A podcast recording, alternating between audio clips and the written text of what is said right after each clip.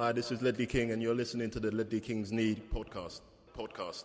Podcast. Podcast. Ledley Kings knä, Konsekvent, inkonsekvent. Ledley Kings knä, Det bästa som någonsin hänt. Ledley Kings knä, Du kommer aldrig bli dig själv igen min vän.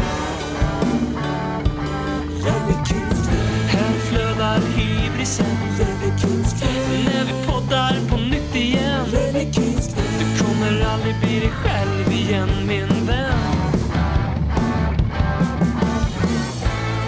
första gången på ett år lite drygt så hör ni en annan röst än Robin Drontenfields magiska värmländska pipa. När ni lyssnar på den värmländska radioteatern Ledley Kings knä. En amatörshow i konsten att prata om fotboll, ordbajsa, silly season, Charlie Kane, ormar och kanske lite fat-shaming om Tanguy Ndombele. Vad vet jag? Eh, ni lyssnar i alla fall på mig, BM, från före detta Sveriges 17 största stad, Eskilstuna. Men numera bosatt i Sveriges största stad, Sola i Karlstad. Till min hjälp så har jag en man som har blivit någon form av en stilikon för unga svenska män ute i stugorna. Med sitt röda skägg, eh, sitt röda hår och sina gröna slash lila reptilögon. Och med sin lutning åt vänster, som jag till och med ser nu i kameran framför mig att han lutar åt vänster, så inbjuder jag till denna radioshow Marcus Håkman. Dejes finest. Hur är läget? Du, det är alldeles utmärkt. Eh, Man tackar för den, eh, det introt så att säga. Det var, eh, ja. Redan där är det 1-0 BM mot Robin känner jag. Man måste ju smöra lite när man är ny host för sin Ja, ja, nygamla ja. ja men det gör du jättefint. Så tack för det. Jag fick faktiskt se på bassning idag på mitt jobb av en eh, anonym elev som är från Deje att jag säger Deje fel. Jag säger inte Deje som en värmning. Kan du upplysa alla eftersom man lyssnar ju främst på Ledley Kings knä för uttal och eh, värmländsk grammatik. Hur man, ut, eh, hur man säger Hur Deje. säger man Deje korrekt? I, i- om man är Deje kanske också. Jag får ju ha den aspekten. Jag tror inte jag säger Mm. det. Det var Deje kanske. Deje, Deje. tänker jag. Deje. Om du, speciellt om du åker eh, epatraktor och snusar som 12-åring så säger du nog jag. Låter också väldigt Nej, det, är vackert. Jag tänker att Deje. Deje. Som eh, italienarna Deje. Ja, precis. Ja, du ser det. Det är väl eh, sista gången vi tar eh, Roma-kopplingen hit. På något sätt, eller? Just det, han är ju där. Säger de inte Eh. något sånt där? Har de inte en sån nick? Deje Roma eller något sånt där säkert. Säkert, vad fan vet jag. Ja, ja, ja. ja. Det är Mourinho-sektens problem nu. Tack och, och tack Gud för det. Vi kommer nog komma in på hur det känns att ha levt med en abusive partner i ett år eller två och eh, sen komma ut på andra sidan och faktiskt vara tillsammans med någon som behandlar den med respekt och kärlek. Exakt Eh, men vi har faktiskt en till. Exakt. Vi har faktiskt en till person till vår hjälp och eh, till skillnad från dig Håkman så är han inte en stilikon. Däremot är han känd över världen som den minst framgångsrika medlemmen i familjen Hisén. Eh, men också som en jävel på Kvissaleta. Och om ni ser Jimmy ute på stan här någonstans i Västsverige säger jag för att bevara hans anonymitet. Så kan ni alltid bara ta upp en bild på luren på en fotbollsspelare som har gjort en match över två i Stoke och så kan du bara fråga vem är det? Så kommer ni få ett svar av Jimmy Hisén Jonevret. Välkommen tillbaks till Ledley Kings knä säsong 9. Tack så mycket. Vilken ära. Det här var ju inte igår. Nej, det var inte igår. Nej. Du, du försvann där efter din Dobb-tv-succé. Vill du förklara för lyssnarna vad som hände? Jag, jag fick ju sån total jävla hybris. Så att jag har ju sökt mig eh, nya kontrakt. Men eh, när de inte dök upp så kom jag, får jag komma tillbaka med svansen mellan benen här och försöka åter, liksom, eh, återkomma med någonting vettigt att eh, få fram ur, ur den här kroppen. Det är lite den här att när man, när man poddstrejkar, det är inte lika effektfullt som när man först tipsar Sky om att jag kommer inte komma till träningen idag. Så stå där med te- kameracrew. Du gjorde ju en liknande sak kan vi avslöja behind the scenes här. Att du ringde till Folin och sa jag kommer inte dyka upp i podden först vi förhandlar om mitt kontrakt. Och sen så livestreamade du detta på Instagram men det, var, det blir inte lika effektfullt eftersom det ser ju bara ut som en, någon som, en ensam vit man helt enkelt. Så är det. Så är det. Eh, men eh, vi kan, ni som vill, ni kan ju skriva på Twitter att eh, breaking news, poddare poddar igen eftersom att det var breaking news i morse att Harry Kane, 200 000 person, 200 000 pund i veckan Harry Kane faktiskt gjorde sitt jävla jobb i morse. Det är sjukt. Vilken värld vi lever i. Men vi ska inte prata om honom först, utan vi ska faktiskt börja med något så vanligt och traditionellt som vi ändå har valt oss vid de senaste åren. Att Tottenham har ju spelat en fotbollsmatch, en tävlingsmatch och vi gjorde det mot Manchester City. Och som alltid när vi spelar mot dem i nya hemmaborgen så blev det en 1-0-seger för Tottenham. Eh, och vi kan väl börja med dig Håkman. Vad, beskriv den här matchen och dina känslor framförallt. Inte så jäkla mycket bollinnehav och possession här nu utan hur kändes det att se Tottenham inför 58 000 på nya White Hart Lane? Ja, det kändes någonting annat än um, som man har känt sista ett och ett halvt åren. Delvis med tränaren som har varit och delvis med publiken som inte har funnits där så kändes det någonting. Eh, man, bara genom, eh, genom ljudkulissen så lever man själv med sig lite mer i matcherna nu igen. Och kände någon, jag kände liksom förhoppning från eh, någon timme innan kickoff och under hela matchen och ju mer matchen växte in ju mer höjdes tron på att, att vi skulle kunna göra någonting bra även ut den här matchen. Då, så, att säga.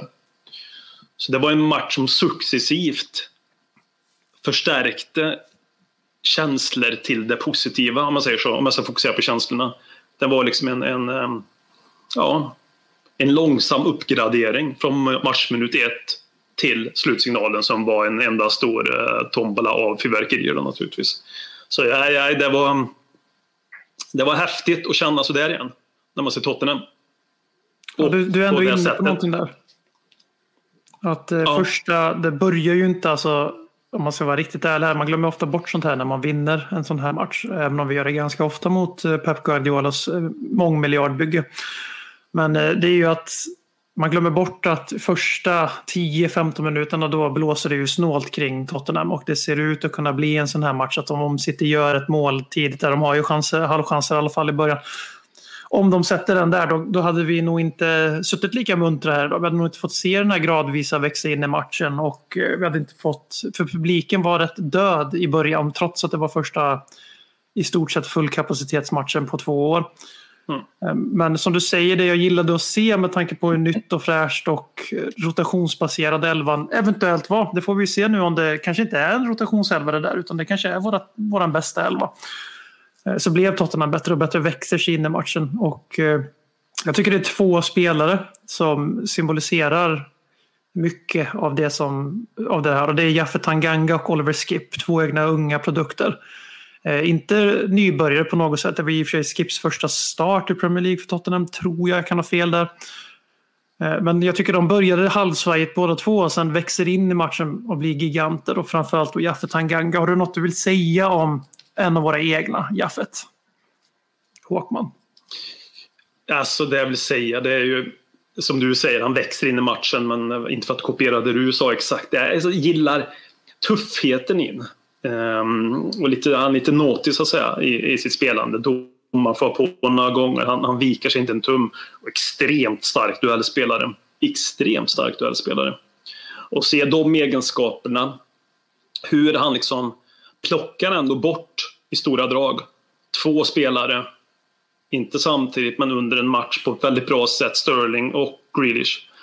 Eh, det, det, det, det imponerar också på mig. Men det här duellspelet han, som han satt inne med en mot en, liksom, den, ja, den är ju... Jag vet inte vilken betygsskala vi kör med. Jag kanske har missat något nu, inte heller varit med på ett tag, men den är ju högst där uppe i alla fall, duellspelet.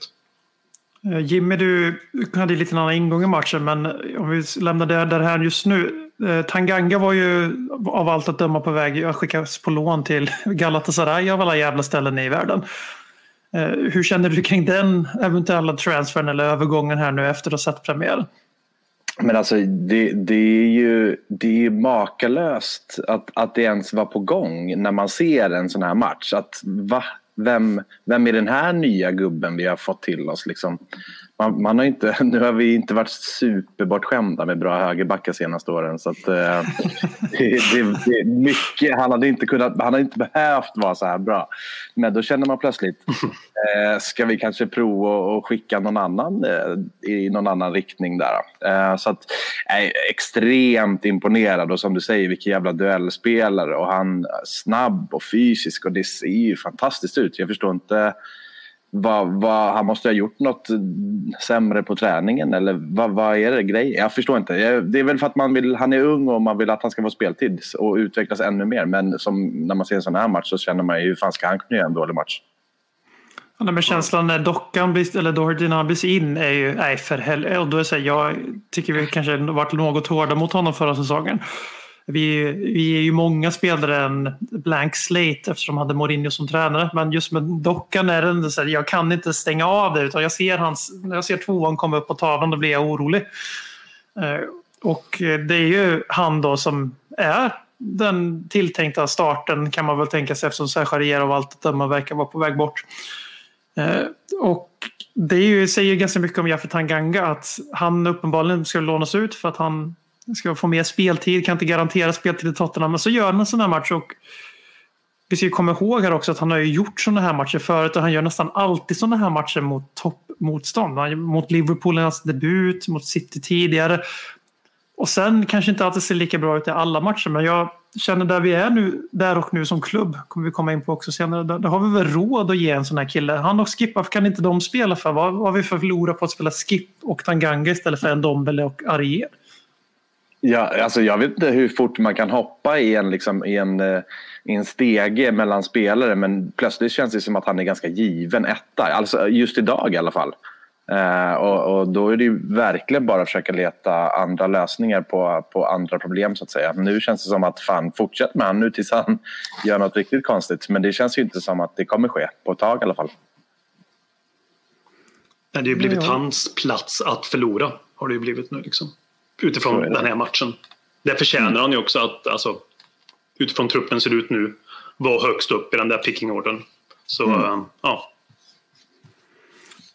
Spela djävulens advokat. Vi har fler spelare jag vill lyfta. Eh, Vi behöver inte tala på en gång. Men spela djävulens advokat lite då. Så ställer jag en fiktiv lyssnarfråga och det är ju då en kritiker som säger eh, påhittad person, vi kan kalla honom för Robin, som säger att vad var egentligen skillnaden på Nunos Tottenham och Mourinhos Tottenham? Ja. Man är ju alltid rädd för den frågan. Vad, vad är den stora skillnaden egentligen? Men samtidigt så, man får ju hoppas att inte, alltså mot City kan jag nästan, då, får jag, då, hade jag, då köpte jag den här fotbollen även med honom, med Mourinho liksom. Så att, eh, då känner jag att då, då får, kan det få se ut så här om man vinner. Och det gjorde han ju i, i mångt och mycket där. Vad fan var det? Arsenal, Chelsea i rad där och så vidare. Eh, så då tycker jag att det är helt okej.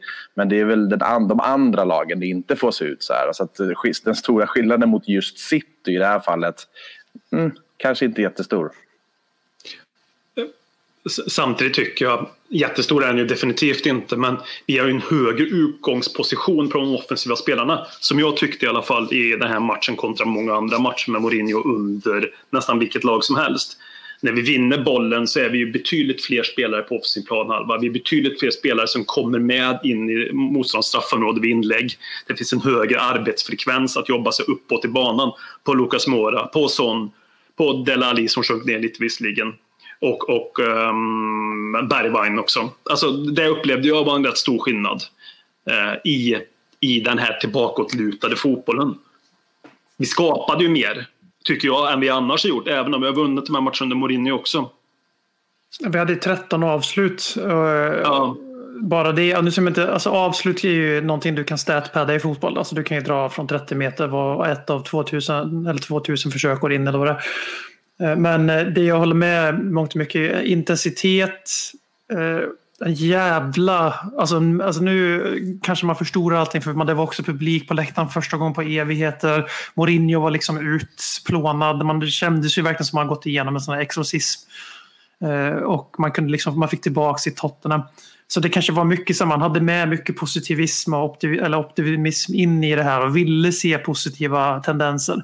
Det återstår ju att se givetvis men jag tycker verkligen att man kunde utläsa ett helt annat eh, hjärta helt enkelt. Nu blir man primitiv här igen och släpper all fancy stats och expected goals och passningar genom linjer och allt vad det är. Men jag såg elva gubbar som spelade för varandra. Jag såg elva gubbar som alltså blödde för klubbmärket i den här matchen och också elva gubbar som kanske kände att de hade någonting de ville bevisa för inte bara fotbollsvärlden i helhet men kanske lagkamrater i synnerhet. För det, det var någonting, alltså det här är en tränare som alla i hela fotbollsvärlden vet inte var klubbens första val. Inte den här poddens första val heller för den delen. Men ändå så tyckte jag att, alltså jag, jag, kan, jag kan inte hålla mig längre. Jag fick Pochettino-vibbar. Jag fick Pochettino 2013-14-vibbar av den här matchen. Eh, vi såg, eh, vi såg spelare som var klappkassa i ett och ett halvt år helt plötsligt se ut som ganska duktiga och kompetenta fotbollsspelare. Ja. Så någonting, det var, det var katardisk säger man säkerligen inte, men det, var, för, det, var, alltså det rensade min själ helt enkelt att se den här insatsen. Är det någon annan spelare ni vill lyfta specifikt eller någonting i matchen, någonting ni reagerar på? Alltså Skip som du nämnde där också tycker jag absolut ska lyftas. För att det är så jävla kul att se att han går in från start att faktiskt Nuno vågar sätta in honom eftersom efter det fjolåret han hade och faktiskt en, en hyfsat allvarlig skada här emellan också. Så att eh, otroligt imponerad. Och han ser ut att liksom ha spelat på den här nivån många år alltså. Så att eh, det, det, det, han hade jag liksom svårt, när jag ser matchen då i efterhand så har man ju svårt att inte tänka på att fan, det kan bbli bra med honom där. Bara tänka på spelarna han håller på bänken, för det sitter ju ändå en Giovanni Lo Celso på bänken. Eh, I och för sig kanske inte världens bästa matchlag, men bara det i sig sitter en Tanguy Ndombele som jag är osäker nu om han ens var uttagen i matchtruppen. Det var han inte tror jag, utan han, han var Nej. på plats. Eh, Han och Sessignon syntes ju tydligt gå till bänken där i halvlek. Vi kommer tillbaka till det också. Men eh, bara det, liksom, det är modigt och det kan kännas defensivt att spela med två sittande mittfältare så som man ändå klassificerar Skip och eh, Höjberg. Men en sak jag märkte där med Skip det var att det var ganska tydligt att det var han som var den sittande mittfältaren och Höjberg var mer box to box. Eh, Och eh, det såg vi ju i EM att dansken kan hantera väldigt bra. Eh, Och eh, för mig, jag behöver inte mycket mer än några egna Tottenham-lads i startelvan och en, och en kvalitativ fotboll så mår jag rätt bra som supporter. Mm, Det blir en, en, en inflikning bara och då efter ett långt uppehåll här från mig så kommer jag faktiskt ge en liten, liten känga till Harry Winks här på en gång. Så har jag blivit av med den. Men bara att jag tycker att jämföra en sån här insats av Skip och has- när man har sett Harry Winks, det, det är någonting annat. Han, han har någonting mer tycker jag. Det är bara så här, jag tänkte på det när jag såg matchen, bara så här, fan, Skip är inte, eller eh, Winks, han var han är inte där på samma sätt tycker jag.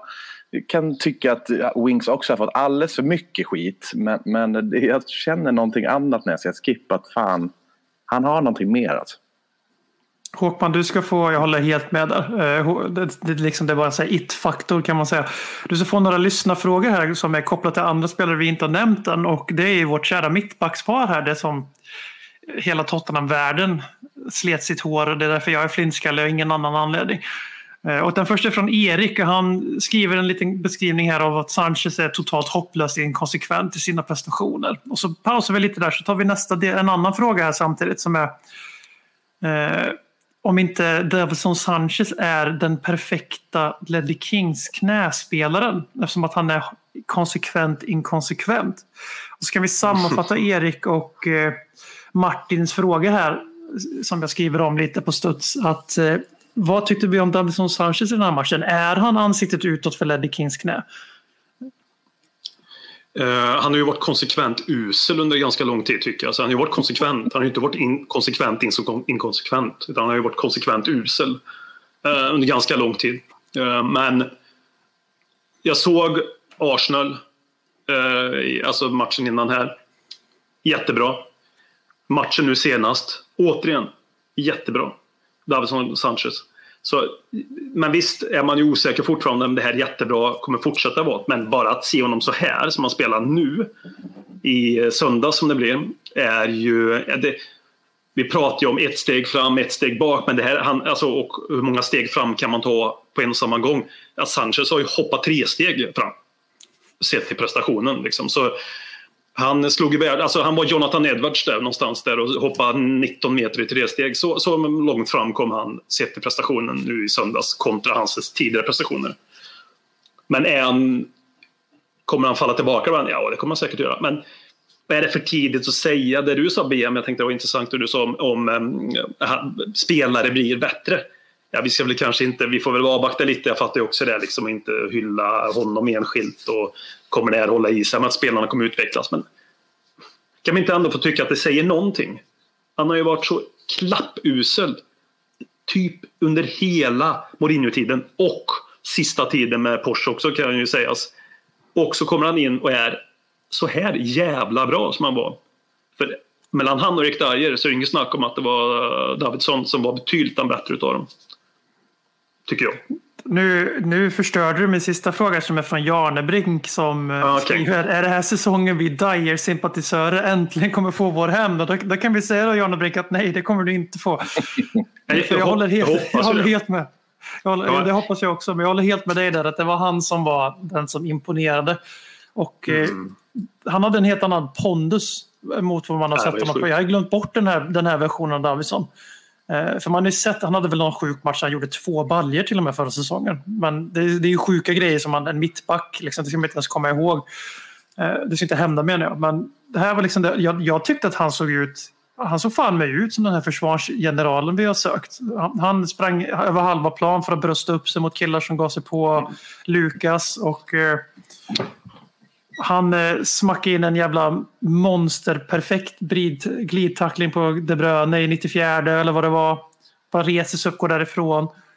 Eh, sen kommer jag inte ihåg, det var inte han som sänkte Gundogan va? utan det var någon annan som, som, som sablade ner honom med en helt ren kroppstackling som mm. tyvärr för Gundogan har slutat med skada. Men det var fan vackert att se. Och jag tycker att Davidsson kan få den här veckan i Ledley Kings knä.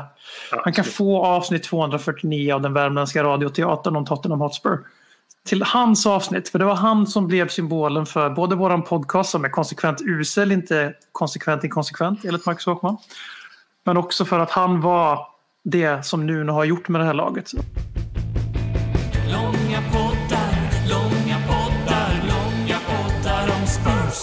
Och med det så vill jag gå över till just våra nya skäggprydda, väldresserade portugis som stod där ute på sidlinjen med någon form av, alltså ungefär samma klädsel som jag föreställer mig att Jimmy har. Och eh, vann den här matchen. Jag menar, vi har, vi har vunnit mot Manchester City förut, men vi besegrade Manchester City den här gången. Vi var bättre än dem. De hade bollen mer än Tottenham, men Tottenham var bättre än Manchester City. Och därför leder jag helt då oforcerat in Jimmy här på vad har du fått för intryck om Nunos Tottenham hittills? Det är väldigt tidiga dagar än, men vad, vad är ditt intryck och dina känslor just nu? Alltså jag, jag tycker alltid att det blir så att man, det blir såklart en optimism jämt när man får in en ny tränare. Nu jävlar, nu är det något nytt, nu händer det någonting. Eh, alltså, jag tycker alltid att det blir någon form av positiv mening i det. Med Mourinho var det lite knepigt i och med att vi tappade Pochettino och det var ju ingen som ville det. Så den var ju svårare. Men, men ja, blir, optimismen finns där och intrycket är väl liksom att Alltså, jag, jag hoppas hoppas verkligen att det kommer bli en, en attraktiv och roligare fotboll nu. Det, jag tror på det. Jag, jag vill tro på det. Eh, och, och, genom att se den första matchen, som du säger, det är väldigt tidigt att säga, men att bara se det här, alltså optimismen, absolut. Det är klart att den finns där. Som du säger, fan vi besegrar ju City. Det, det har vi gjort eh, fulare än, än så här. Så att, eh, Ja, intrycken är bra. Sen, sen har jag liksom svårt att se de här intervjuerna från Tottenhams officiella sidor och så här. jag tycker det blir alltid blir lite, det blir lite löjligt liksom. Eh, men men eh, jag är optimistisk och det kommer jag fortsätta vara tills han eh, backar hem med elva man liksom, och, och spelar en Harry Kane som inte vill vara där. Tills han, får, han får motbevisa mig. Jag tror på det här och jag tror att det kommer bli bra. Håkman, dina intryck? Nej, men... Eh, ja, det, det, alltså, det finns ju två fall. Jag trodde väldigt grann på det här redan från början. Att det här skulle kunna bli bra när hans rykte kom upp, vill jag säga. Inte först på min önskelista heller på något sätt, men... eh, gjorde en podd om, eh, för ett tag sedan om Nuno, några månader sedan. Och då sa, man väl, det sa jag väl det här ungefär med att, att, att hans tid i Wolves så upplevde jag att han gjorde spelare bättre. Spelare som Traoré som var klappkassa utvecklades. Eh, Dorothy gick från att ja, blev bra. Han förstår vad jag menar? Det var andra spelare han gjorde bra. Sen fick han ju bra spelare dit också tack vare kopplingen med, vad fan heter han nu? Mendes. Mendes, ja tack. Mendes. Men han, utveck Precis, men han utvecklade spelare. Och det, det, är det jag tror han kan göra i Tottenham också. Han kan utveckla spelare att bli bättre. Så jag, jag, är, jag är hoppfull liksom. Sen är det inte det sexigaste namnet, men fan, historiskt sett när vi väljer tränare och kanske missar det vi helst vill ha. Fangal ville vi ha, men fick Pochettino. Pochettino var inte så första val då, liksom, ur en klubbledningsperspektiv. Um, det var det inte nu heller. Jag menar, när det inte blir det som är tänkt så behöver det inte bli dåligt. Jag, jag tror någonstans på det här. Sen vad, vad är tro på detta nu? Det behöver inte vara att vi blir Champions League. Det är kanske inte är där vi hamnar för att detta ska, det jag säger ska leva upp till lyckat. Jag kan tycka att hur det ser ut, hur spelet är, hur utvecklingskurvan är, hur vi uppträder i matcher, kupper och så vidare så kan det vara lyckat med honom även om vi femma kan jag tycka. Det, ja, men, förstår ni vad jag menar? Det behöver liksom inte vara Champions League som är enda liksom, måttstocken till lyckat. Jag är, jag är med där. Jag, men nu, nu här är ju... Tottenham behöver vara en klubb som har en utvecklare till tränare. I alla fall i några år till. Får vi se vad som händer med allt möjligt. Eh, men vi behöver ha en spelare som gör truppen, alltså pusselbitarna större än helheten. Eh, eller helheten större än de individuella bitarna menar jag såklart. Eh, det är jättetydligt. Det var när Pochettino inte orkade göra det igen med i stort sett samma identiska trupp plus en Dombele och Lo som kom lite too little too late. Det var då julen föll av på honom. Eh, Mourinho kom in med ett helt annat uppdrag och vi kan inte sitta här idag liksom och låtsas som att vi, vi sa det från början i den här podden att vi vill inte ha Mourinho. Vi vill ge honom en chans. Vi förstår vad klubbledningen har tänkt här. Att de tänker att han kommer in, han ska kräma ur de sista procenten så vi inte behöver göra den här smärtsamma renoveringen. Som Pochettino hade flaggat för och hade rätt om uppenbarligen. Eh, det betyder inte att Mourinho inte misslyckades för det gjorde han oavsett. Men nu är ju Nuno inne i det här otacksamma uppdraget att han ska göra ganska mycket på kort tid och han har bara fått ett tvåårskontrakt. Han är, han är kvart i tre-ragget, det går inte att säga på ett bättre sätt. Ödmjukt. Eh, och eh, det jag blir så imponerad av, för jag är som du Jimmy, jag, är inte så, jag, jag hakar inte upp mig på den ganska tydliga This is us, eller vad var det ABB sa, vi is us. Ja när de försöker ja. spä på det här, liksom, han står och gör, kastar med, slår ut med nävarna och så lägger de över på coming soon. Och liksom försöker Nej. bygga upp den här. Jag tror inte på det. Liksom. Nej, det, det, det är fake, det är förfalskat mm. och det är inte Nunos fel utan det är klubben som vet vad, de, vad som hände lite grann med Mourinho. De har gjort en analys och inser att okay, vi behöver trycka lite på det här. Alla för, en för alla, alla för en. Tottenham är större än Harry Kane och allt vad det är runt omkring. Eh, så det, det påverkar mig inte jättemycket. Eh, han har gett mig ett sympatiskt intryck, det lilla jag har sett som inte har varit eh, alltså i statlig propaganda media.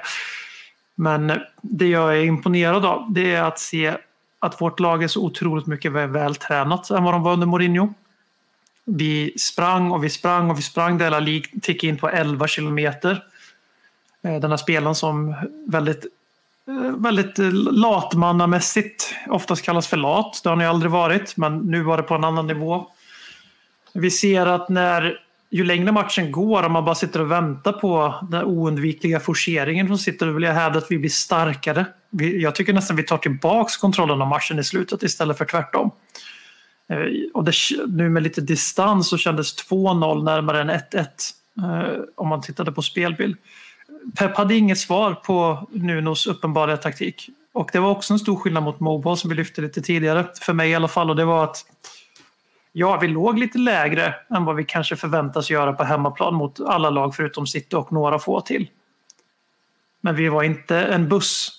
Vi hade tre spelare som hade fri lejd, men till skillnad från under José Mourinho så var det inte få upp bollen till Kane och se vad fan han hittar på med. Utan det fanns ganska tydliga löpmönster, det fanns ganska tydliga triangelspel. Och det kändes som att de här tre som har spelat ihop mycket på försäsongen och utan en riktig nia, Sonny, Berka och eh, Lukas, De visste vad de skulle göra och han hade också skruvat på rattarna tillräckligt mycket för att inse att Lukas är den som ska driva bollen. Berka ska både driva boll men han kan också trixa lite och sen så ska Sonny avsluta. Jag tyckte det fanns en ganska tydlig plan och jag förväntar mig ingenting annat än att när vi sitter här nästa gång och spelar in en podd och har några fler matcher på CVt med Nuno, då kommer vi ha sett andra grejer. När vi mötte Pacos de Ferreira framförallt så förväntar jag mig en ganska annan matchbild än vad vi såg mot City. Och eh, försiktigt optimistisk och eh, faktiskt uppriktigt imponerad över att man ser så tydligt en identitet redan. Och då får vi komma ihåg att vi hade hela vår centrallinje förutom Hugo Lloris den var antingen ny eller ratad när startlistan blåstes i, i söndags. Eh, och vi hade ingen så kallad kreativ mittfältare heller på plan. Eh, du var inne lite på det förut Håkman, med att du, för dig är inte topp fyra är inte nödvändigtvis det enda sättet att avgöra huruvida Nuno Espirito Santos har gjort en bra första säsong i Tottenham.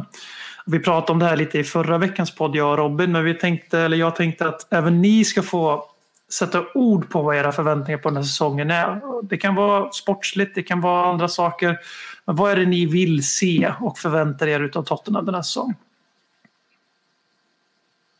Om jag, om jag börjar så, jag håller helt med Håkman också och som tidigare vecka också att Champions League-platsen, det, det, är klart att den är viktig men, men det är inget jag förväntar mig och jag tror att vi är liksom inte där. Alltså att, ja, det, vi är inte där vi var, det är bara så enkelt det är.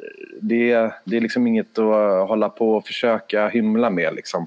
Eh, det jag förväntar mig och hoppas på nu det är att han fortsätter göra den här grejen som han har gjort nu under den korta tiden han har varit här. Och det är att göra saker enkelt för sig. Spela spelare på rätt position, våga satsa ungt.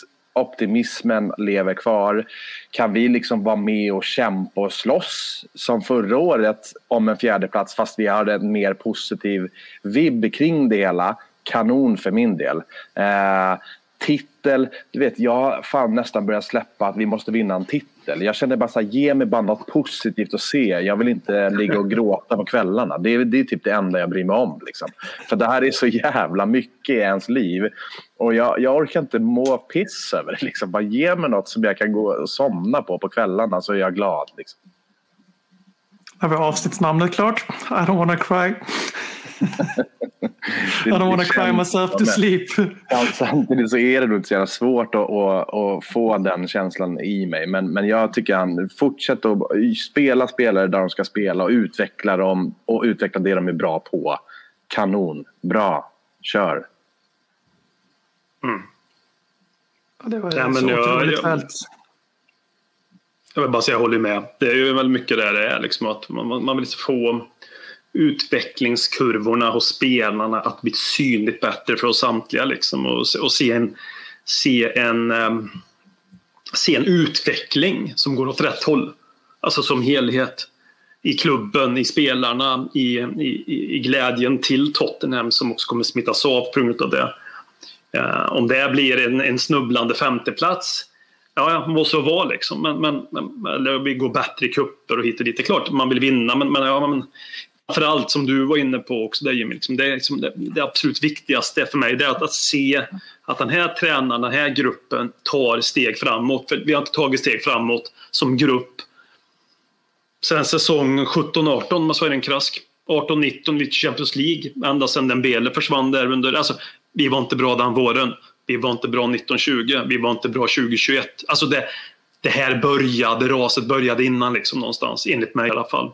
Började 1819, om man ska vara ren kraft så började han 1819. Någonstans inom utvecklingssymbolik i alla fall.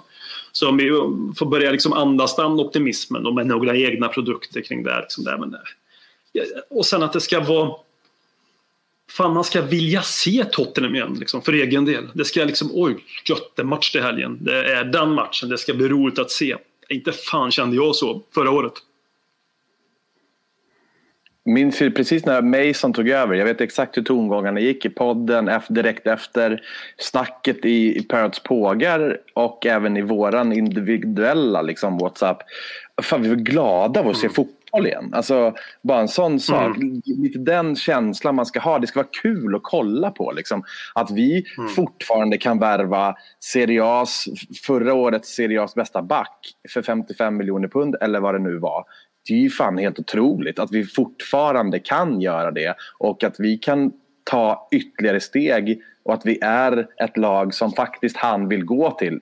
Kanon, bygg det vidare därifrån bara. Absolut. Det är, ju, det är inte mycket man inte håller med här. Alltså det, för mig är det självklart, vi pratar om det så jäkla mycket under Mourinho, eh, att inte bli... Alltså vi, man satte kravbilden på honom att nu ska vi vinna en titel. För det ska vara, om vi ska ta in honom istället för Pochettino, då, då ska jag fan få en titel för besväret. Eh, Det fick vi inte. Eh, Och sen han försvann, och nu använder jag den här liknelsen igen, men det, ni som kan eran Sagan om ringen. Jag känner mig som Frodo gör när ringen trillar i lavan. Och den här liksom onda jävla demonen som har levt som en del av hans själ i 13-14 månader eller vad det nu är eh, Bara lyfter från mina axlar. Eh, Det känns som att, inga liknelser i övrigt, men det känns som att jag hade haft en cancertumör som försvann och jag blev friskförklarad. Jag kunde gå ut igen. Eh, jag, alltså, jag, man, så depression är ingenting man ska kasta sig med enkelt, men jag hade en Tottenham-depression under José Mourinho, det går inte att komma ifrån. Eh, och nu känner jag, känner jag liksom, som ni är inne på båda två, att jag har fått tillbaks mitt Tottenham. Det började med mig, så det var bra att du tog upp det Jimmy, för det började där. Och nu ska vi inte lägga allting vid José Mourinhos fötter, för Håkman har mycket korrekt påpekat att det började innan. Eh, kravbilden höjdes och vi slutade utvecklas. Det, det är bra sammanfattat. Men för mig nu är det liksom så här att det har varit så nyttigt den här sommaren. Både att ta lite break från Spurs, det har varit ett mästerskap som har distraherat den. Men framförallt att komma in i en säsong där jag för första gången, alltså för första gången på Sen Pochettinos andra säsong. Så, alltså hans första riktiga säsong när han har fått göra sin utrensning. Så har jag, jag känner att det här laget kan åstadkomma saker. Men jag kräver ingenting av dem förutom att jag känner stolthet, glädje och jag ser fram emot Tottenham att de ska spela fotboll igen. Jag längtar att åka till London för att vara där och se på det. Jag åker inte dit för att det förväntas av mig som supporter. Eh, skulle det liksom leda hela vägen fram till att vi vinner den här Mickey Mouse-cupen Europa Conference League där vi absolut har en god möjlighet att vinna den. Det, det, det liksom slutar låtsas som att vi inte har det. det. Vi ska nästan vinna den om man tittar på lagen som är med. Eftersom att vi, som Jimmy precis var inne på, sa att vi värvade ändå Serie A's bästa mittback. Eller bästa försvarare. Vi kollar på lite andra rätt etablerade Serie A-spelare som var på väg och kanske fortfarande är på väg. Det näst bästa laget i turneringen enligt mig i Roma. Eh, så det är klart att man kan sitta där i maj och vara skitförbannad för att vi åkte ut i kvartsfinal. Eller så kan man bara känna sig att den turneringen hade ändå inte gjort någonting för att vi skulle bli en riktigt stor klubb så som de andra supportrarna här tycker om att säga. Så för mig är det liksom, det går som det går så länge jag är stolt över Tottenham, så länge det blir okej att vara stolt över att vara, heja på Tottenham igen så kan jag inte, så kan jag inte begära mer. Och jag känner redan att det är det- dit vi är på väg. Jag bara, jag bara flytta in, du sa liksom Roma är med i den här turneringen. Um, tänk dig den mötet liksom, Tottenham mot Roma med, alltså det har ju bara att göra med vem som sitter på bänken annars har jag ingenting, varken bu eller bä mot Roma. Alltså, Jag har aldrig varit så det sympatisk till eh, Lazio som jag är nu. Det är jävla synd på nazismen på läktaren bara. Ja, ja. Absolut. Men tänk att få ha, få ha en kvartsfinal, semifinal med dubbelmöte där man vet att ena matchen spelas på White Hart Lane, Tottenham Stadium, kalla vad du vill. Eh, och veta att Mourinho kommer dit och vi vet mycket väl att det är inte som när Rafa Benitez kommer komma till Liverpool när han kommer bli hyllad och de kommer sjunga hans ramsa och Everton-supporterna kommer grina. Liksom. Utan här kommer det vara ett unisont payback liksom, mot Mourinho. För han blev ju skonad att inte ha några supportrar där. Han fick inte känna vreden, den missnöjet och allt vi tyckte och tänkte om honom. Som de flesta tyckte och tänkte i alla fall. Alltså det kommer ju vara... Fan vad jag vill ha den matchen. Fy fan vad jag vill ha den matchen alltså. För den sakens skull. Alltså jag är ju hämndlysten. Jag vill ju få ut min frustration. Är jag- är där eller inte där? Man vill ju att folk, Tottenham, ska få liksom visa på något sätt mot honom. Det här har du gjort, så här tycker vi. Nu kör vi över det liksom. Eller? Mm, 100%. Absolut. Alltså, det- Ja, jag blev nästan lite... Jag skulle vilja gå ut och jogga typ eller något. Jag blev lite så här... blev lite inspirerad där. Man börjar höra lite så här, så här, episk musik i huvudet nu.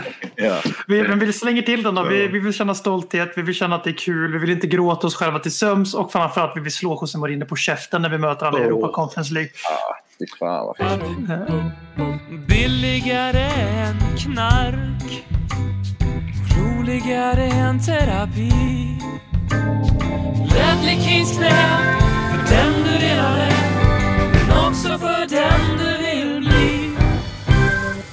På, på tal om eh, personer man vill slå på käften. Eh, det finns ju en, någon kille där som tydligen har nummer 10 i Tottenham.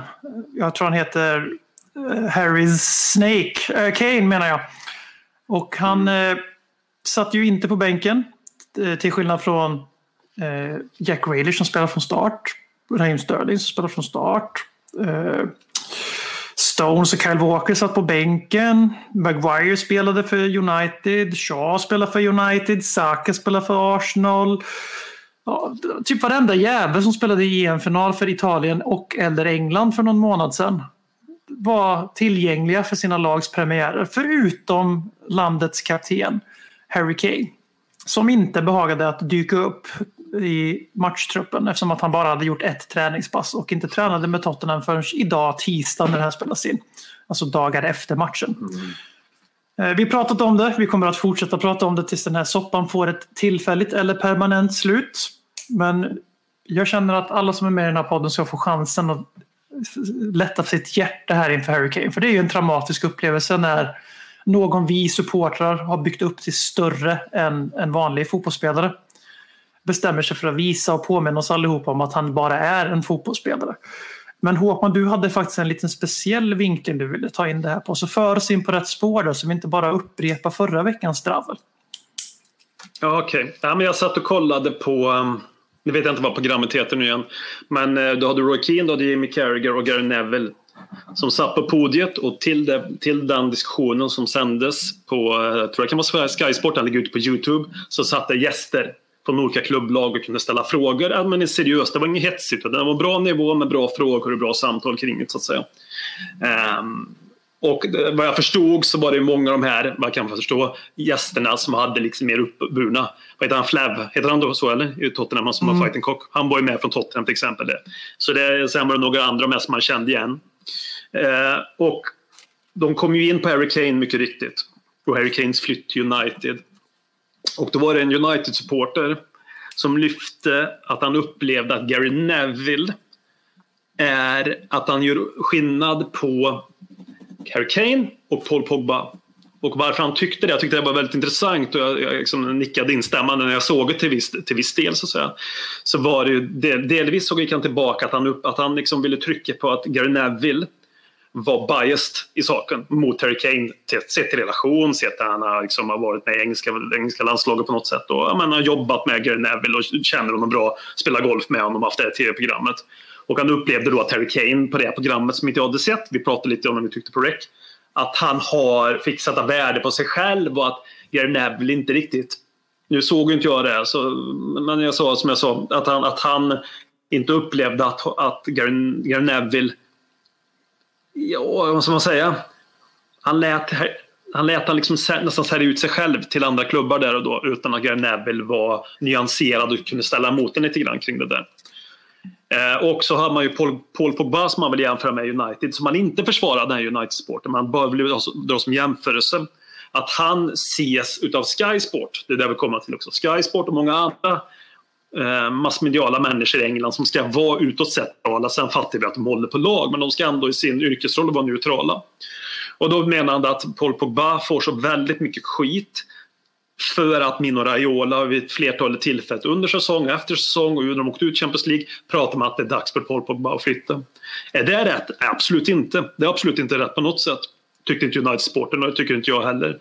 Utan det handlar ju om att att, att han får då skit för det här från alla och Graham Souness i synnerhet verkligen blir massakrerade utav, utav de här i Sky Sport på, på mycket sätt. De fördömer hans agerande väldigt tydligt och väldigt, kanske också rätt. Men när det kommer till Harry Kane så är min upplevelse varit, och med Sky Sport och med Gary Neville och allting det här, att när även när han satt på det här programmet så pratade Gary Neville om, om, eh, om Harry Kane som ett helgon. ett helgon som alltid har skött sig, som alltid har gjort det han ska, som alltid har varit professionell med fotboll. Och det är väl check, check, check på den. Det var lite grann som att, att det han har gjort tidigare gör att han har, att han har ett veto till att göra detta. Att detta är, för att han gör detta, då måste någonting fruktansvärt ha hänt Harry Kane i förtroende mot Daniel Levy. Det var den inriktningen han hade. Han tyckte också att det var fel att Harry Kane inte kom till träning. Men det här säger någonting om den här goda människan med alla de här tidigare åren och gott CV inte dyker upp. Då måste ju nästan ansvaret ligga mer hos Daniel Levy i förtroendet. Sådär. Det var Gary Nevilles point, inte allas. Inte Carragher och Roy Keane heller riktigt. Eh, och, och, just den synen, varför är den så? Är det ett? För att de, nästan den större, större mängden utav de här pandits och experter runt omkring är United, är Liverpool. Det är rätt eller fel, men så är det. det och för att de han då ska gå till en större klubb och att vi i det här sammanhanget är Tottenham. Och samtidigt då, Paul Pogba är United. Är det då lättare för dem att vara känslomässigt kritiska mot Paul Pogba? För att han är där, just för att det är Gary Neville, det är Roy Keane, det är Graham Souness, det är de här större klubbarna. Liksom. Så det är mitt lite take on det. Att, att, att vi... Ja. Vad är min take? Det är inte Att, rätt eh, helt enkelt. På, att de, Kane att de kommer... olika. De behandlas Ja, olika och Harry på grund av någonting. ja, men framförallt så Harry Kane kommer, kommer lindrigare undan tycker jag. Än man borde göra sett till... Inte sett, sett till vad han har gjort. Och sett till vad han gör. Och sett till hans moraliska förfall. Sett mot en klubb som har betalat honom. Han gick ju med på en löneförhöjning. Och ett sexårskontrakt. Han har ju fått betalt. Han har ju skrivit på ett kontrakt. Jag fattar om att han vill lämna. Det är väl ingenting som oss, som någon i det här jävla Tottenham Sverige, Tottenham England, Tottenham världen säger att, att han vill lämna. Det är inte där roten ligger utan det är sättet han agerar på. Det är precis som att nu vill jag gå, nu ska du släppa mig. Ska vi släppa han för en miljard om Jack Grealish går för en miljard? Men det går ju inte ihop. Alltså det är helt ologiskt. Alltså, det behöver inte ens lägga ut texten varför det är ologiskt. Så jag menar, han har ett kontrakt. Han har, han har 200 000 i veckan. Liksom.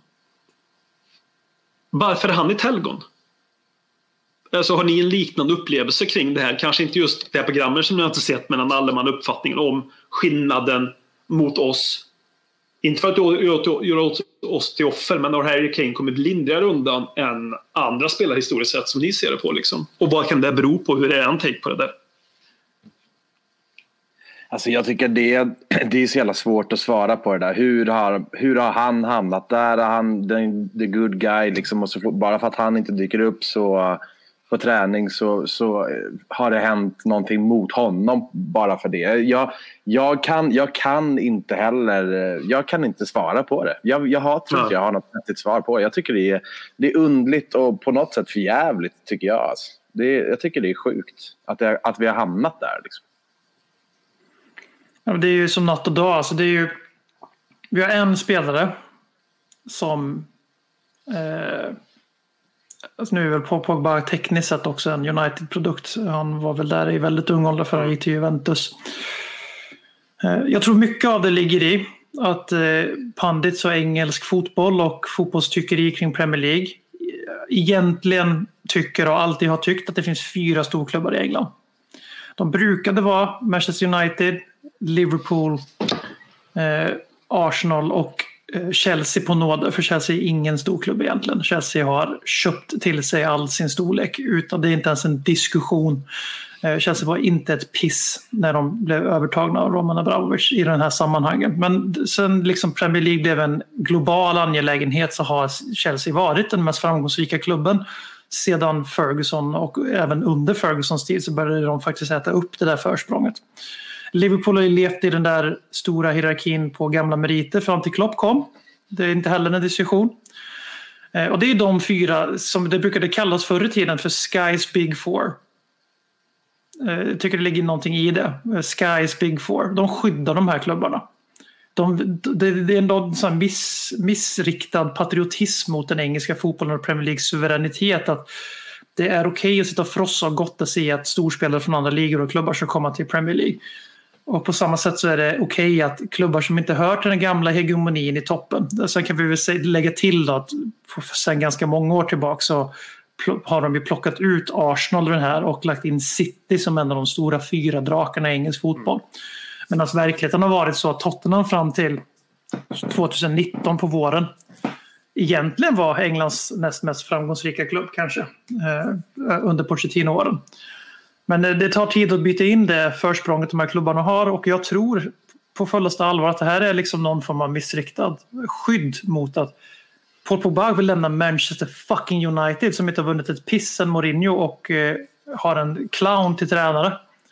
Men han, det är Manchester fucking United. Här, här är det, ingen, det är ingen som vill lämna den här klubben utan det är Ferguson som bestämmer att nu säljer vi David Beckham. Nu säljer vi Cristiano Ronaldo. De lyckades liksom sälja in att det var liksom bara klubbens beslut att sälja sina bästa eller största spelare. Och det, till Fergusons heder, jag tror inte att det är jättelångt ifrån sanningen.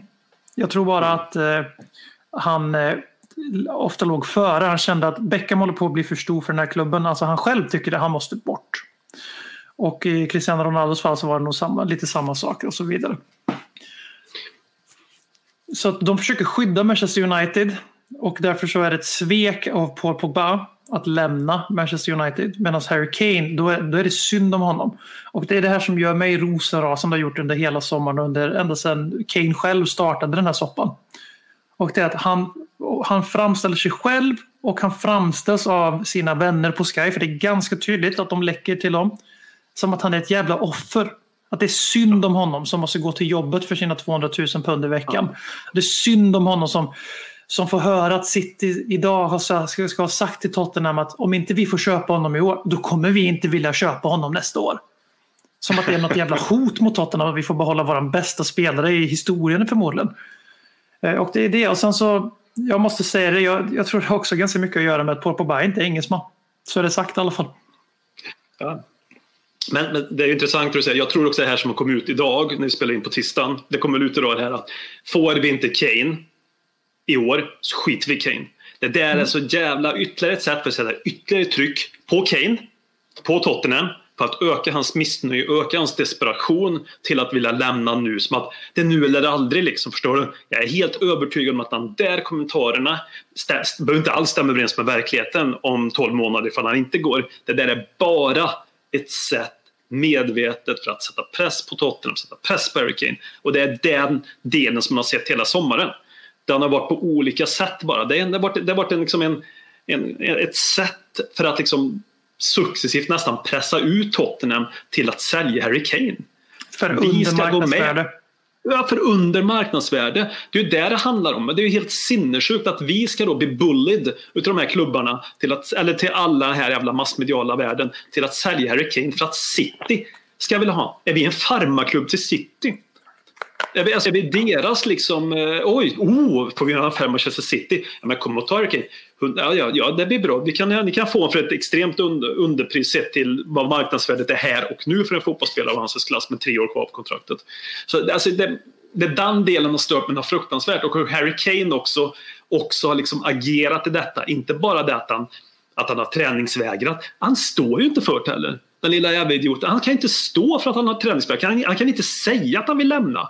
Han har ju sagt att han vill byta till en annan klubb. Men det här brevet som han skrev, eller vad fan det nu är, som inte han säkert skrev. Det är, liksom, det, det, är det fegaste, mest ormiga brevet jag sett, sett till vad som har hänt innan han skrev det. Det är så jävla genomruttet. Och, vad sa du? Och efter.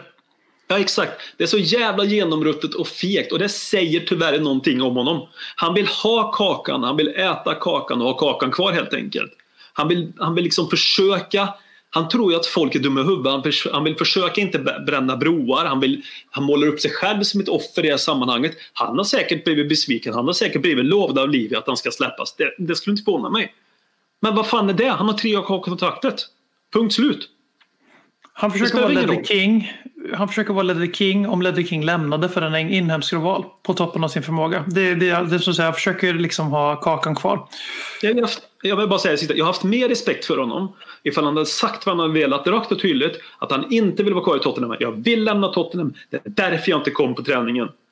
För att jag vill, jag vill det är liksom, det kanske inte, det kanske är orealistiskt att tro att någon skulle göra så. Men då hade jag ändå sagt att alright, du kör fulspel, men du är öppen med att du kör fulspel. Men nu, han tror ju nu att han kan göra det här spelet och vi ska ha samma känslor för honom. Det är det han ja. tror. Det är precis som det, det är det som du säger. Då hade det varit bättre. Säg bara hej, jag vill bort. Okej, vi fattar att du vill bort men då får de fan köpa dig för en jävla slant. Och så får det vara så. Men, men nu, han tror ju på riktigt själv att nej, nej, men Tottenham-supporterna de älskar mig så mycket så att om inte jag blir såld, det är lugnt. Då kommer jag tillbaka och ingenting är förändrat. Det, så kommer det ju inte vara. Och så, så är det. Men han tror att det kommer vara så. Det är det som nästan biter på mig mest eh, i hela den här soppan i alla fall. Och framförallt tror- att Manchester City verkar ju som, som det verkar inte ens ha lagt ett jävla bud. Vad fan, vad, vad, vad, vi har inte ens be, behövt neka ett bud. Om det nu ska vara så. De säger att de, vi vill inte lägga ett bud på vad fan det nu må vara. 1,4 125 är det, de vill inte gå över 125. Ja, men vad fan, lägg 120 då så får vi ta det därifrån. Eller vad fan som helst. De lägger ju inte ens ett bud. Vad, vad, vad är grejen? Jag förstår inte. Nej, de har väl inte pengarna. Eller jag vet inte vad fan det kan vara. För alltså 120 är inte närheten vad jag tycker. Alltså 150-160 ska vi ha. Alltså då går jag bara på vad Jack Grealish kostar. Och de men köp, det- det... är samma klubb som köper Jack Grealish. Någon vecka innan. De lägger hans utköpsklausul visserligen. En miljard. De, det är ju den klubb, de, de skjuter ju sig själva i foten. Om de lägger samma klubb som köper Harry Kane till med, det är till och med samma klubb som ska köpa Harry Kane, lägger en miljard för Jack Grealish. Vad tror de då om samma klubb som kö- köper Harry Kane? Det är en annan sak att en annan klubb kanske, men det är samma klubb. Så Ja, de, de själva är ju dumma i huvudet. Jag fattar inte hur de tänker själva riktigt. Det går liksom inte ihop.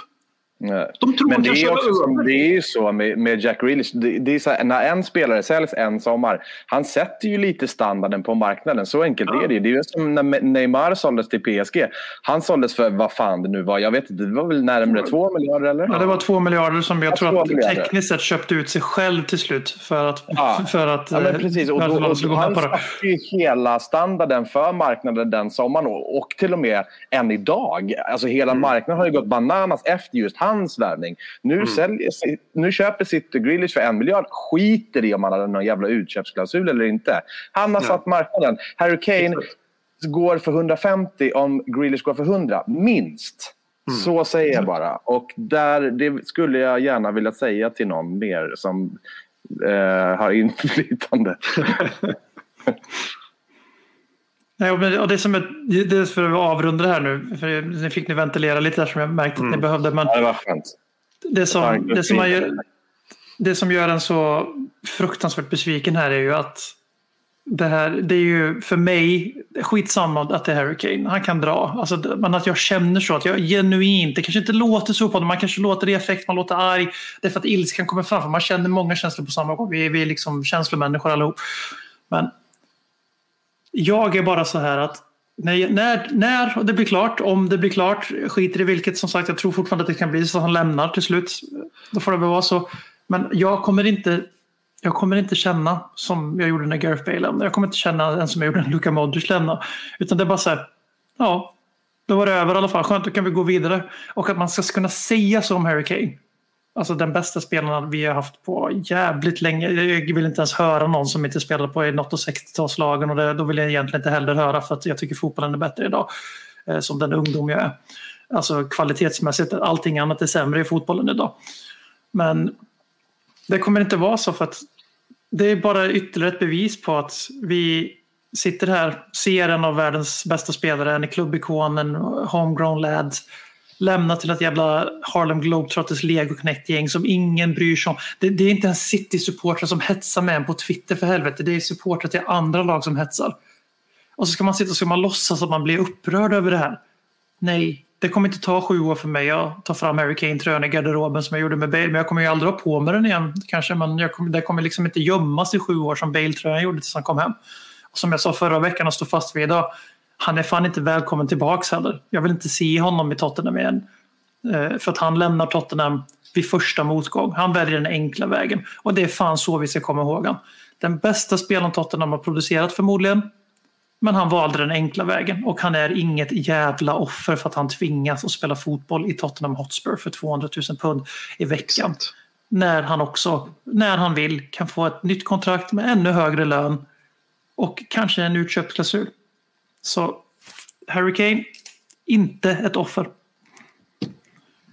Så, så vi skrattar lite åt topp 6. Let's laugh at the top lovely. six. They are really shit.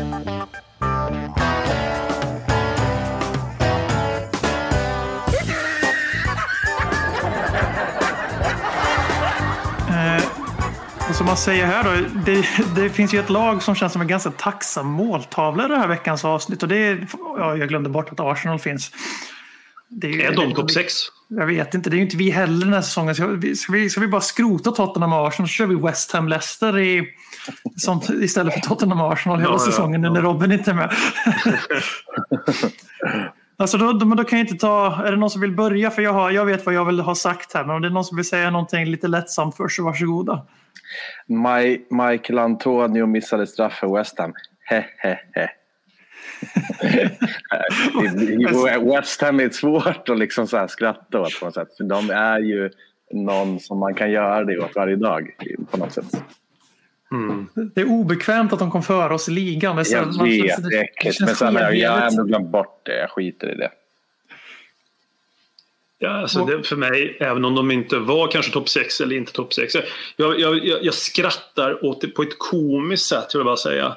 Åt Arsenal och då åt Arsenals, Arsenal Fan-TV. Så jag säger att jag skrattar på ett annat sätt när jag sitter och tittar på det.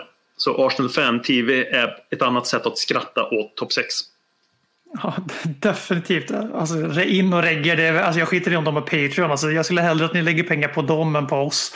Det, är- Ja, ja. det, det är guldunderhållning. Gå in på YouTube och sök. Alltså det är... Um, you're blessed när du ser det där i dessa dagar. Eh, jag har också en, och det är ju City.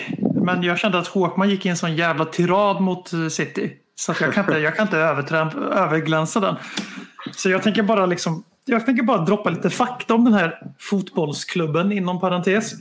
Jag vet inte hur mycket som är kvar av klubben som Manchester City-supporterna upptäckte 2012. I alla fall de flesta här i Sverige, säkerligen i världen också. Men nu ska vi inte sitta här och låtsas att vi är någon så här hardcore som förtjänar supporterpoäng, för det tycker jag också är rätt tröttsamt. Men Vi är inte Liverpool. Nej, eh, och eh, det, det bara påpeka här liksom att det här är en klubb som hade en startelva som kostade 850 miljoner pund när de mötte Tottenham. I den startelvan så satt inte, var inte Kyle Walker 50 miljoner, inte John Stones 50 millar. För varenda back de köper måste kosta 50 miljoner pund eller mer för att annars får man inte spela för Manchester City. Det är någon så här lag som FFP har fört in för att de ska kunna fuska med siffrorna. För de har ju ett gäng paraplyklubbar som de säljer spelare och skickar spelare till överallt i världen och fuskar med bokföringen så jättegenomskinligt och på alla sätt bara utnyttjar det här vidriga fotbollssystem som Uefa tillåter så fort man inte hotar dem med en superliga. Eh, sen vill jag också påpeka att i den här startelvan så fanns det ingen anfallare. Utan deras 40 miljons pund snubbe eller vad han nu kostar, Gabriel Jesus. Han kom in sista 20. Jag vet inte om han spelade eller inte för jag, inte, jag såg han inte så mycket. Men han, jag läste i min app att han blev inbytt. Den här klubben, för bara typ 10-12 dagar sedan, köpte de Jack Grealish. En, ännu en offensiv mittfältare eh, som gillar att ha bollen vid fötterna. De köpte honom för 100 miljoner pund för att han hade en hemlig utköpsklausul för Premier League-klubbar slash Champions League-klubbar. Alltså antingen både och eller antingen eller. Premier League topp 4 eller Champions League-klubb utanför Premier League. De kunde köpa Jack Grealish fram till 5 augusti. Eller om det var 7 augusti, fan vet jag. För 100 miljoner pund. Efter det datumet så kunde man inte längre köpa honom för hans klausul den här sommaren. Eh, den här klubben fick på ett magiskt sätt reda på, eller de la 100 miljoner pund. Jag vet inte hur de lyckades lista ut att det var 100 miljoner som krävdes för att lösa honom från hans kontrakt. Jack Grealish var på träningen också vill jag bara lägga in. Men sen, samma klubb har använt Sky Sports. De har använt eh, varenda jävla journalist de kommer på. För att berätta att de tänker inte betala 125, mer än 125 miljoner pund för Englands landskapskapten, eh, blivande målrekordsman i Premier League, Tottenhams ikon, Jack Grealish 2.0. Eh, för att Manchester City, enligt Pep Guardiola, de har inte råd. De kan inte lägga så här stora pengar på fotbollsspelare. Och om Tottenham inte vill förhandla då kan inte Manchester City rida in som denna riddare på sin springare och rädda den stackars slaven Harry Kane från kolgruvan i norra London. Och därför skickar jag bara ut en styrkekram till de tre Manchester City-supportrar som finns i det här landet och säger att det kommer lösa sig.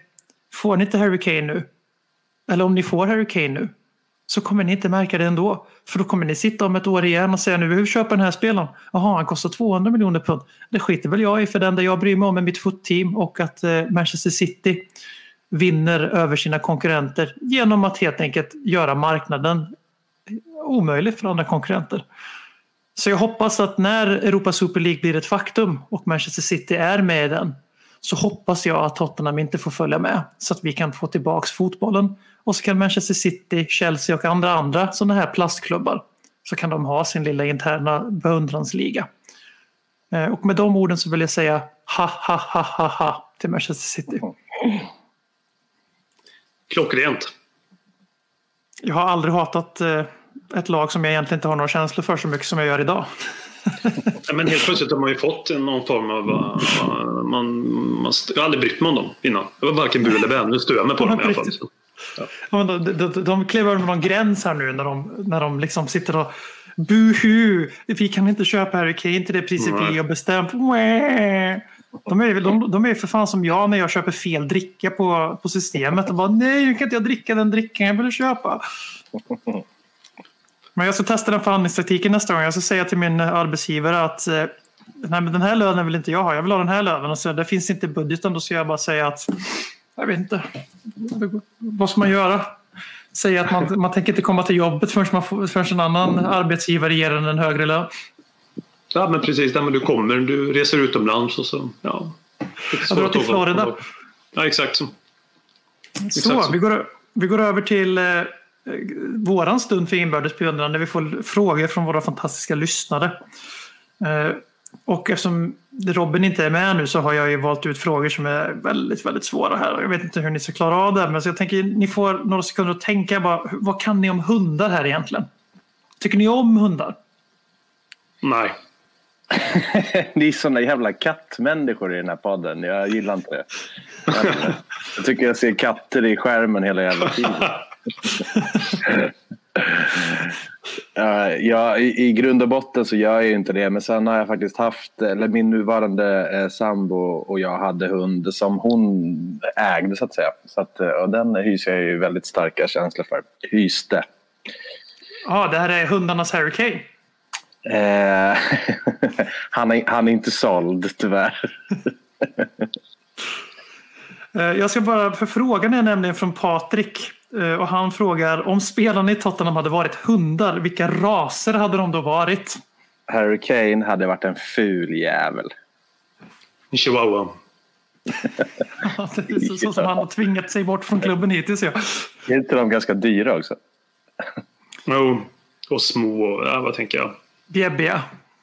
Ja. Ja, men han, eh, han, han har ju börjat sippra ut lite grejer här nu i sina kanaler. Att eh, om det inte blir en övergång som han är desperat för, för det är enda chansen han har att lämna Tottenham, för det är så synd om honom i kolgruvan som sagt.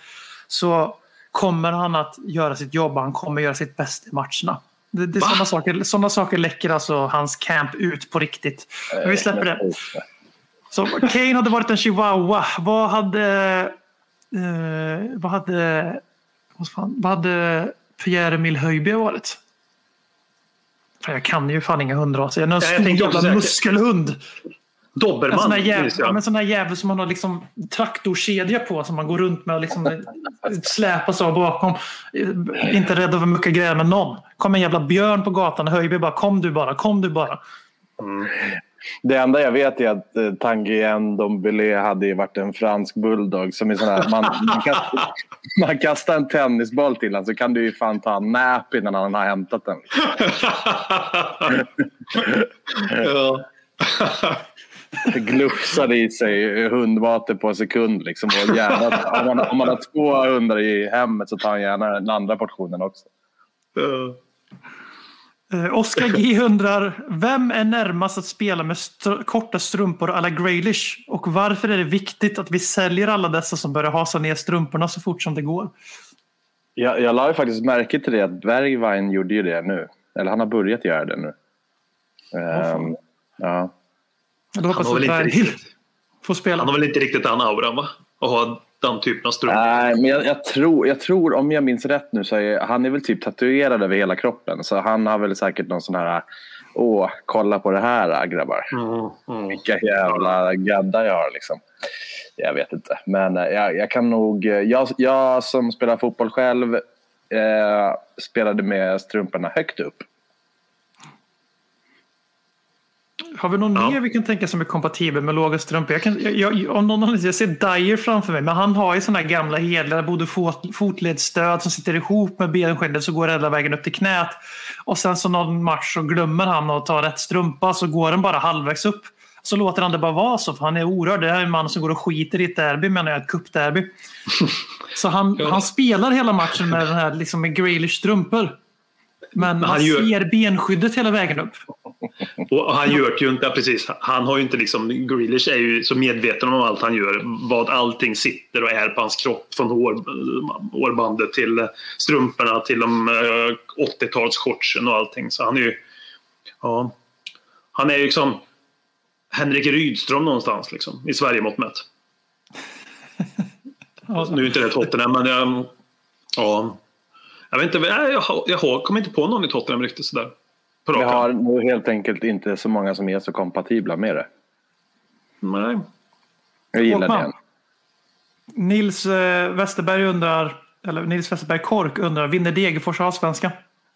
Oj. Alltså. Ja, det är, jag tror de vänder på hela skutan och tar 15 raka här nu. Det, är det väl rimligt eller? Men alltså jag tänker på att de, i och med att de inte kommer släppa in ett enda mål till i och med en ny målvakt så vore det ju sjukt om de spelade 15 raka 0-0 matcher. Så det börjar ju bli några treor i alla fall. Kan man ju Ja, men tycka. jag tänker att utan att avslöja för mycket, det, det var ju det kan ju ha skett en kontakt här mellan Värmlands stolthet i fotbollsväg. Eh, Vi claimar dem, Örebro. Ni kan sitta nere i båten, Örebro. Det- Degerfors, det är vårt. De är, värmländare, de är värmlänningar. Eh, Och jag har ju svårt att se någonting annat än att om det blir guldbuss genom Degerfors anrika torg förbi den där fantastiska restaurangen som Alfie Whiteman besökte. Då har jag ju svårt att se att inte Lellekins knä har vippstolarna. Då får sitta där med guldhatten på. Nej, det, det, det är nog inte ens en fråga tror jag längre. Eller? Vilken podd som helst kan ju få en intervju med, med, med, med Degerfors men det är inte vilken, vilken Tottenham-podd som helst som kan få sitta på eh, jag kommer inte ihåg vad restaurangen heter nu till min stora förtret men det är inte vem som helst kan sitta där med vipplås. Nej, nej, nej där, är vi, där har vi varma stolar. Så, jag tänkte, jag tog en seriös fråga också, men det vet jag inte om jag tyckte var så kul längre. Eh, jag byter här på uppstuds. Vi har fått väldigt många frågor den här veckan och det är jävligt kul. Det, det bevisar ju verkligen att Tottenham-supportrar är precis lika mycket medgångssupportrar som alla andra. Eh, det var för seriöst också. Eh, den här gillar vi. Jag har några frågor till oss som har med Kane och så får vi avsluta med lite ilskan då. då. Eh, här, vi har, först Jarnebrink. Vilken tröja hade Harrys barn på sig i söndags? City eller Spurs? Ni får bara svara med ett ord. Sitt. Ehm, ja, City. Och sen eh, har vi... Har vi hur tror ni Harry Kane såg matchen? Om man ens såg den. I Charlie Kanes knä. Eh, Alltså, han ska ju alltså ha varit på arenan, har ju läckt ut via Sky som har all jävla inside om Harry Kane och ingenting annat. Men till skillnad från Tango Ndombele som vi gjorde lite narr av nyss och Ryan Sessegnon som jag såg med mina egna ögon när de klev in på plan på, inför andra halvlek och antagligen gick och satte sig i närheten av eh, avbytarna. kan jag inte tänka mig något annat som de gick där. Så var ju inte Harry Kane där. Och då, alltså, jag, jag gick från väldigt nöjd över tillvaron till rasande och sen gjorde Son 1-0 och så glömde jag bort vem Harry Kane var och så kom jag på att vi har redan den hjälten vi förtjänade i Jong Min Son. Eh, för seriös fråga.